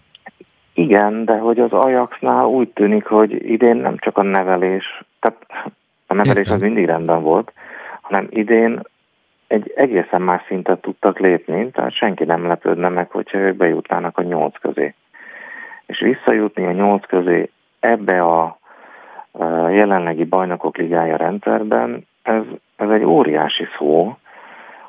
Nem, nyilván nem lehet összehasonlítani a 95-ös viszonyokat, de a, mert azóta sokkal-sokkal tőkerősebbek az angol, olasz, spanyol klubok is, de hogy, hogy egyáltalán az Ajax erre a szintre el tudott jutni, az egy óriási fegyvertény, miközben ellátja játékossal egész Európát. Attila, mondjuk el azért így a beszélgetés vége felé, hogy mi az a, a, az ismérv, ami alapján egyébként a magyar akadémiák nem rúgnak labdába, hogy így mondjam, versenytársakkal szemben. Ugyanakkor mondjuk összehasonlításképpen a Sáhtár Donetsk a második ebben a ranglistán, vagy ezen a ranglistán, ami azt jelenti, hogy ez nem földrajzi kérdés. Ugye itt nagyon érdekes kérdés az, hogyha ha mondjuk ezer gyerekből egy jön ki, akkor miért nem nézzünk meg, miért nem analizáljuk ezt a folyamatot, hogy vajon az ezerből miért csak ő az egyetlen. És hogyha rossz úton járok, legalább azt észre tudnám venni, hiszen az ezerből egy, az nem egy jó út. De én úgy látom, hogy itt senkinek nem érdeke az, hogy egy ilyen értelmesebb revízió megtörténjen, hanem megy minden a maga útján, dolgozgatnak, De szerintem érdekel. A, a, na ugye, a na ugye csak akkor jön a Facebookra, ha van eredmény. Tehát érdeke a politikának, hogy, hogy revízió legyen. És mégsem tesz semmit. És az, hogy miért hiszen, nem? Hiszen az állam adja a pénzt az akadémiák. A tíz kiemelt akadémiát állami forrásból látják el. Vagyis mi? Igen. És, és ennek ellenére sincsen semmiféle számonkérés, nem lehet kiesni a, a tíz kiemelt akadémia rendszeréből, hogyha valaki nagyon rosszul dolgozik. Szóval egy, egy nagyon rosszul felépített rendszer lett ez, holott 2006-ban a futballakadémiáktól vártuk a megváltást, és mindenki nagyon boldog lett volna, meg lenne jelenleg is, hogyha azt tudnánk mondani, hogy ez egy jól működő rendszer, már csak egy picikét kell csiszolgatni rajta bal vagy a jobb oldalán, de nem ez történik, hanem inkább azt látjuk, hogy ez egy olyan rendszer, amiből jönnek a játékosok, és az MB1-ig csak-csak eljutnak. Hát legközelebb meg fogom kérdezni Magyarország futballnagykövetét, hogy ez miért van így, ő biztos tudja, minden, minden puskás ügyek vívőjét. Hmm. A, a, Lehetséges. Attila, nagyon köszönöm a beszélgetést, szakmai köszönöm szempontból volt hasznos ezt áttekinteni, és hát tovább léphetünk majd az okok analizálásában. Köszönöm még egyszer, szervusz! Köszönöm minden jót! Szia! Spirit FM 92.9 A nagyváros hangja a mélyből próbál kimászni a pálinka ágazat, olvasható a napi.hu cikkében. Bizakodóan is indulhatott volna 2021 a hazai pálinka főzdik számára. Az év elején ismét adómentessé vált a párlatfőzés háztartásonként 50 literig, ami a bérfőzetők számának a megugrását jelenthette volna. Ez azonban csak csekély vigasza volt a szektornak a gazdaság más területein jelentkező problémák miatt. A lezárások nyomán elmaradtak a bérfőzetők, a pálinkák iránt visszaesett a kereslet. Az ágazat helyzetéről beszélgetünk Mihály Lászlóval, a Pálinka Nemzeti Tanácsának elnökével. Jó reggelt kívánok! Jó reggelt kívánok! Ez a, az újraadómentessé tevés, ez gyakorlatilag a, az eddigi hát restrikció ellensúlyozása? Lehet azt mondani? Hát részben igen, de azt gondolom, hogy ez a kereskedelmi főzdéknek nem igazán segített, sőt, talán, talán még nehéz helyzetbe is hozta őket. Igaz, hogy azokat a kereskedelmi főzdéket, akik bérfőzéssel is foglalkoznak, azoknak az egyik lábát akár meg is erősíthette volna, de az idei gyümölcstermés miatt ez nem igazán következett be. Tehát nagyon sokan főzetnek, vagy főznek otthon, ami azt gondolom, hogy nincs is baj, inkább azzal van probléma, akik nem csak a sajátjukat főzik le, hanem, hanem másokét is, és tulajdonképpen a, a magánfőzés keretei mögé bújva bérfőzést, illegális bérfőzést végeznek. Az, azokkal miért, ja, ja, hogy azért van baj, mert hogy illegális főzésről van itt szó. Így van, így van, így van. Azt mondják, és erre utalt egy fél mondattal, hogy, hogy az, az időjárás szélsőséges viszonyai nem tudták hozni a várt eredményt. Ez azt jelenti, hogy ez az év a pálinka szempontjából és a befőzés szempontjából egy, egy nagyon visszafogott mennyiséget ad? Igen, hát azt gondolom, hogy tudjuk jól, hogy a barack most már évek óta elfagyott. Idén a cseresznye megy és a szilva is sokkal kevesebb lett. Palmából is viszonylag kisebb a termés, tehát összességében az összes gyümölcse elmondható az, hogy általában kisebb hozamokat hozott, tehát így, így egy, hogy drága volt a gyümölcs, tehát a kereskedelmi főzdék vásároltak ugyan gyümölcsöket, de visszafogottabban, drágább is volt, és a minősége sem minden esetben volt tökéletes. Azt is mondják, hogy a forgalom elmaradásának egy másik oka az, hogy a kevesebb mennyiségű gyümölcs cefrét gyakran nem vitték el a főzdékbe. Hát így van, tehát a bérfőzdékben ugye nagyobb üstökkel dolgoznak, ha valakinek kevés cefréje volt, azt, azt inkább megpróbálta otthon ő maga kifőzni, vagy pedig ezekbe az ukfőzdékbe elvinni, ahol, ahol kisebb méretű üstökben akár a 30-50 liter cefrét is ki tudják főzni. Ugye az igazi ingyencek a házi pálinkára esküdnek, de ez esetben azt mondják a szakértők, hogy ez azért probléma, mert azt a minőséget, amit egyébként a magyar pálinka tud, ez nem adta ki. Hát sokszor tehát nehéz ezt megfogalmazni, igazából megbántani senkit nem akarunk, de, de ez is egy szakma természetesen. Tehát azért, akik évek óta végzik ezeket a kereskedelmi vagy bérfőzdékben a munkát, azoknak mind megvan az a, az ismeretük, amihez elengedhetetlen. Ez egy élelmiszer, tehát azért ennek az előállítását nagyon komoly előírások vannak, amit be kell tartani ahhoz, hogy, hogy itt megfelelő minőségű legyen a, a, a pálinka. Természetesen ugye vannak az otthonfőzők között is, akik nagyon képzettek, meg nagyon jól csinálják, meg nagyon jó termékeket tudnak, vagy nagyon jó párlatokat tudnak készíteni.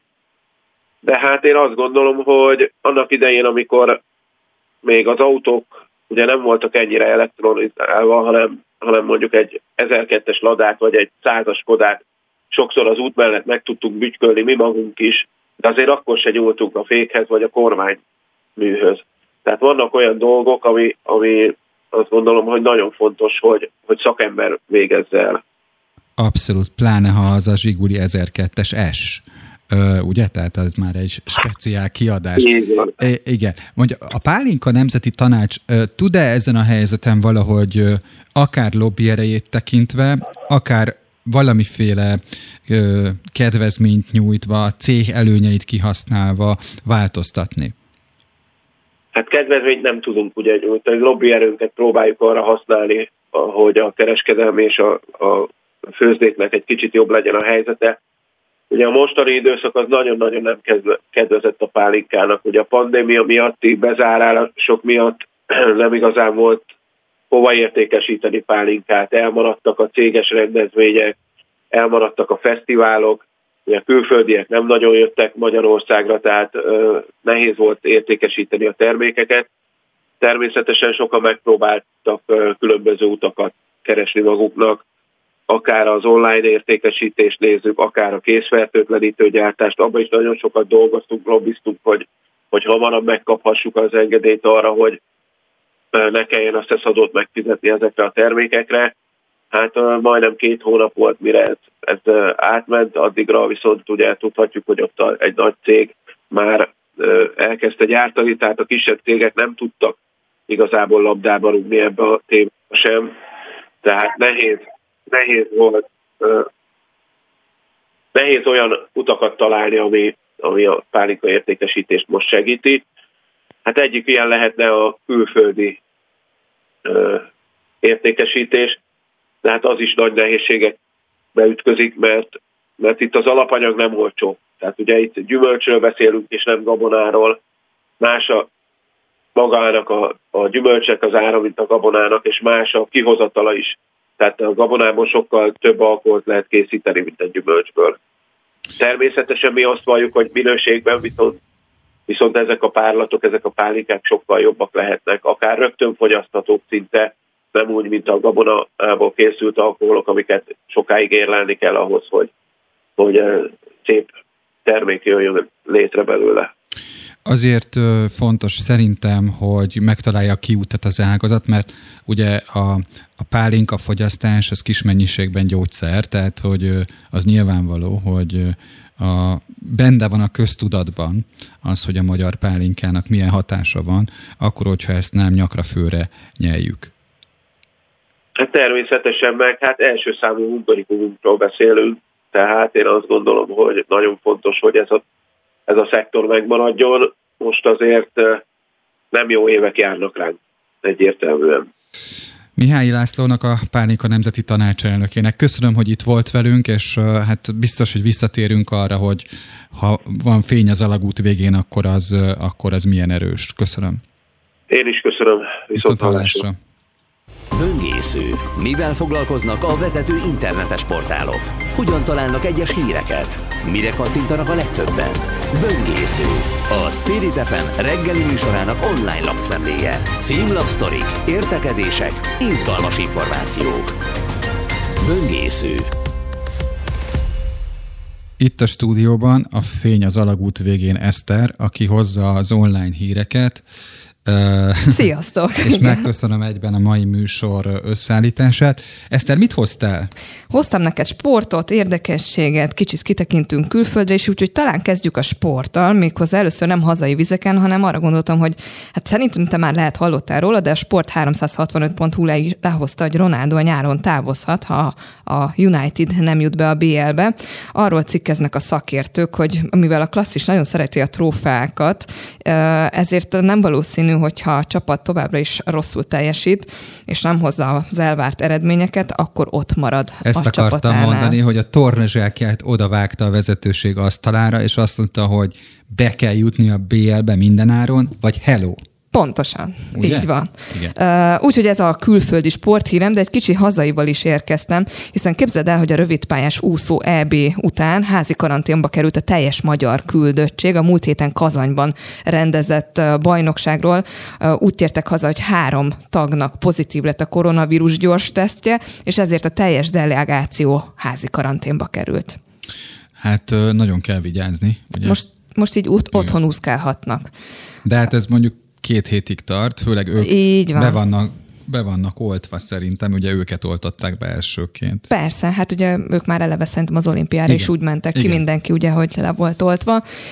És akkor szintén még az úszás területéről elkezdtem azzal, hogy Cselászló ismét megszólalt ugye a botrányjal kapcsolatban, és azt mondta, hogy igazság szerint most lett érett arra és világosodott meg, hogy Turi Györgyel kapcsolatban is nyilatkozzon. Egyetlen dolgot bánt meg, képzeld el, hogy a 2013-ban több versenyzőtársával együtt aláírta a Szepesi Nikolett ellen kiadott petíciót. Aha. Ugye ez ezért is érdekes, hogy annak idején aki megszólalt, amellé meg nem álltak ki a sporttársak, most meg ugye hallhatjuk, hogy lehet, hogy volt benne igazság. Még egy nagyon érdekes történettel érkeztem neked Székesfehérvárról. Képzeld el, hogy súlyosbították az óvodai kényszeretetők büntetését. Nem tudom, olvastál-e róla, de a telex.hu lehozta, hogy három óvodai dolgozó erőszakkal próbált megetetni egy kisgyermeket. Az ebédre váró kisgyerek egyik kezét az egyik, a másik kezét a másik vádlott, hátrafogta, még a harmadik terhelt kanállal az ételt a szájába tette, és a síró gyermek pedig félrenyelt, és akkor ennek köszönhetően vége, végül abba hagyták ezt a ezt az eljárást. De arról nem szól a hír nyilván, hogy mi lett volna az étel, mert azért kelkáposzta főzeléknél nagyon, Nagyon spenol. ki van az ember szorítva. Igen, hát ne, azt nem írják le az esetnél. Érte. Így van. A tepper tök rémes kenyér, meg a kelkáposzta főzelék azért az nagyon komoly volt ott a szobadában. Igen. Ezek szerint neked is beégett ez a Be. memóriádba. De, de csak ez a kettő. És egyébként érdemes az autógyártók területén is körbenézni, mert ott is most a filmvezető után úgy néz ki, hogy magnéziumhiány lesz, de erre ajánlom az autopro.hu oldalát, és ott tájékozódhatnak a kedves hallgatók. Nagyon köszönöm Somodi Solymos Eszternek az online lapszemle híreit, és egy másik hölgy a stúdióban. Azt nézem, hogy melyik mikrofont kell megnyomnom, a kettest. Talált? Igen, igen. Köszöntelek titeket, jó Itt reggelt. van jó Bogyarek reggelt. Anikó, a, a csatorna belpolitikai szerkesztője, az aktuál műsorvezetője, aki ezek szerint most a Bistrónak a Igen, próbáltam műsorvezetője. Megzavarni titeket. Uh, igen, az történt, hogy Hadobás Bernadett lett volna a műsorvezető, aki beteg, úgyhogy innentől is, vagy innen is jobbulást kívánunk neki. Úgyhogy nagyon élvezem, hogy tök vicces, hogy úgy vagyok itt veletek, hogy én vagyok a bistrónak a Ez műsorvezetője. az első alkalom, hogy ez Igen. előállt, nem? Eddig bizt- szerkesztő voltál, műsorvezető Minden az aktuálnál, már, és persze. bistrót vezettél már? Hát uh, amikor még nem úgy hívták, akkor Ja, jó. igen, de akkor most vissza a És lesz, lesz érdeke. Azt tudom, hogy az egy, csepp, egy csepp alapítvány lesz. Honnan tudod?